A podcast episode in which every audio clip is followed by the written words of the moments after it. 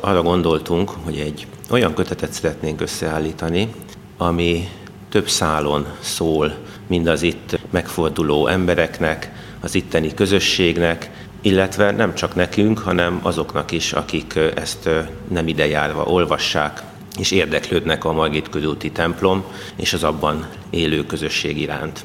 Az fogalmazódott meg, hogy nem csak egy történeti vagy művészettörténeti méltatást szeretnénk, hanem szeretnénk bemutatni a mai itt élő közösséget is, és annak a életét. Ezért a kötet koncepciója úgy épül fel, hogy az elején van egy tanulmány a templom építés történetéről és művészeti emlékeiről. Erre Fajbaki Péter művészettörténész kértük fel, aki a Budapesti Történeti Múzeum főigazgatója volt, és ő már a 80-as években foglalkozott a templom művészeti emlékeivel, erről egy komoly cikket írt a művészettörténeti értesítőbe, és az ő tanulmánya mutatja be művészettörténeti szempontból a templom építés és a ma is megcsodálható művészeti emlékeket. Ehhez archívfotókat, levéltári tervet, korai metszetes ábrázolásokat, a második világháborúban elpusztult főoltáról, illetve a jó tanácsanyja kegyképről találhatunk benne. Tehát ez azok számára, akik mint művészeti emlékként tekintenek a templomra, nyújt egy biztos fogódzót. Ezt követi a, a második nagyobb fejezet, ami a plébánia történetébe kalauzol el bennünket. Ezt tulajdonképpen egészen a 1700-as évek elejétől, mikor az ágostonosok megtelepednek itt a budai várfalon kívüli országút mellett, és fölépítik a első kis templomukat, majd néhány évtized múlva belekezdenek a ma is álló nagyobb templom építésébe, és 1770-ben szentelik fel a ma is meglévő templomot. Innen a 250. évforduló Igen, most. Ennek a 250. évfordulóját ünnepeljük és a nagy váltás az 1785-ben következik be, amikor, mivel második József megszünteti az ágostonos szerzetes rendet, a vízivárosból, a Szent Ferenc Sebei templomból ide telepíti át a ferenceseket, és onnantól beszélhetünk tulajdonképpen budai ferences templomról. Plébánia történetben nagyon sok érdekesség van, ebben talál magának különlegességet az is, aki a történeti érdeklődést tekinti a kötetet, például arról, hogy milyen szőlőik, milyen földjeik voltak itt a ferenceseknek. Itt a Rózsadomb oldalán fölfutott a kertjük, ugye, a ferenceseknek jó magasra.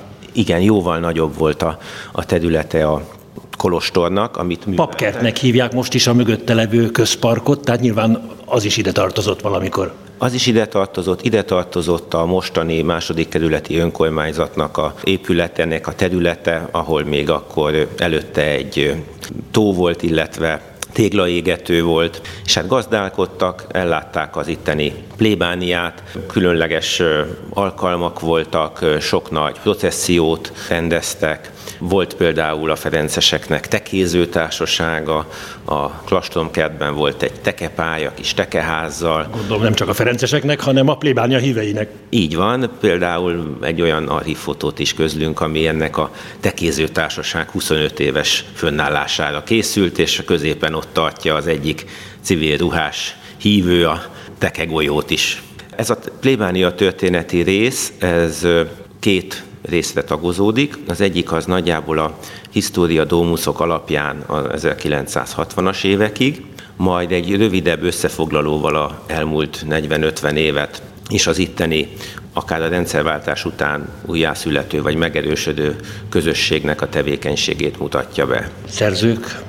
A, a szerzők a Szelényi Zsolt írta meg, illetve Varga Kamil korábbi munkáit felhasználva, aki egy jóval részletesebb és nagyon adatgazdag kéziratot készített. A harmadik fejezet azon alapul, hogy tavaly ősszel egy felhívást tettünk közzé a plébánia hívei körött, amelyben arra kértük őket, hogy az emlékeiket, élményeiket, 20 tírás született, amelyek között vannak olyanok is, amelyek még a 50-es években indulnak, tehát idős híveink is tollat ragadtak, és vannak egészen fiataloktól is származó emlékezések vagy élmények.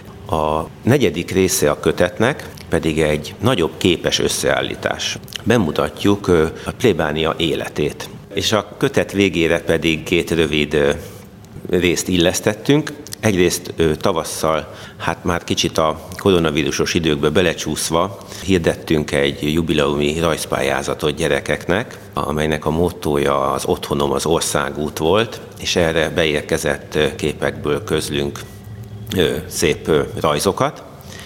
A másik pedig szintén a jubileumi évre készülve tavalyi évben hirdettünk egy plébániai logópályázatot, amelynek az volt a célja, hogy a, az országúti Ferences plébániának egy olyan modern, letisztult logót tervezzenek, amit tudunk használni a kiadványainkon, arculatunkban megjelenésre, és ennek a pályázatát mutatjuk be, illetve a győztes, illetve a helyezett pályázatokat.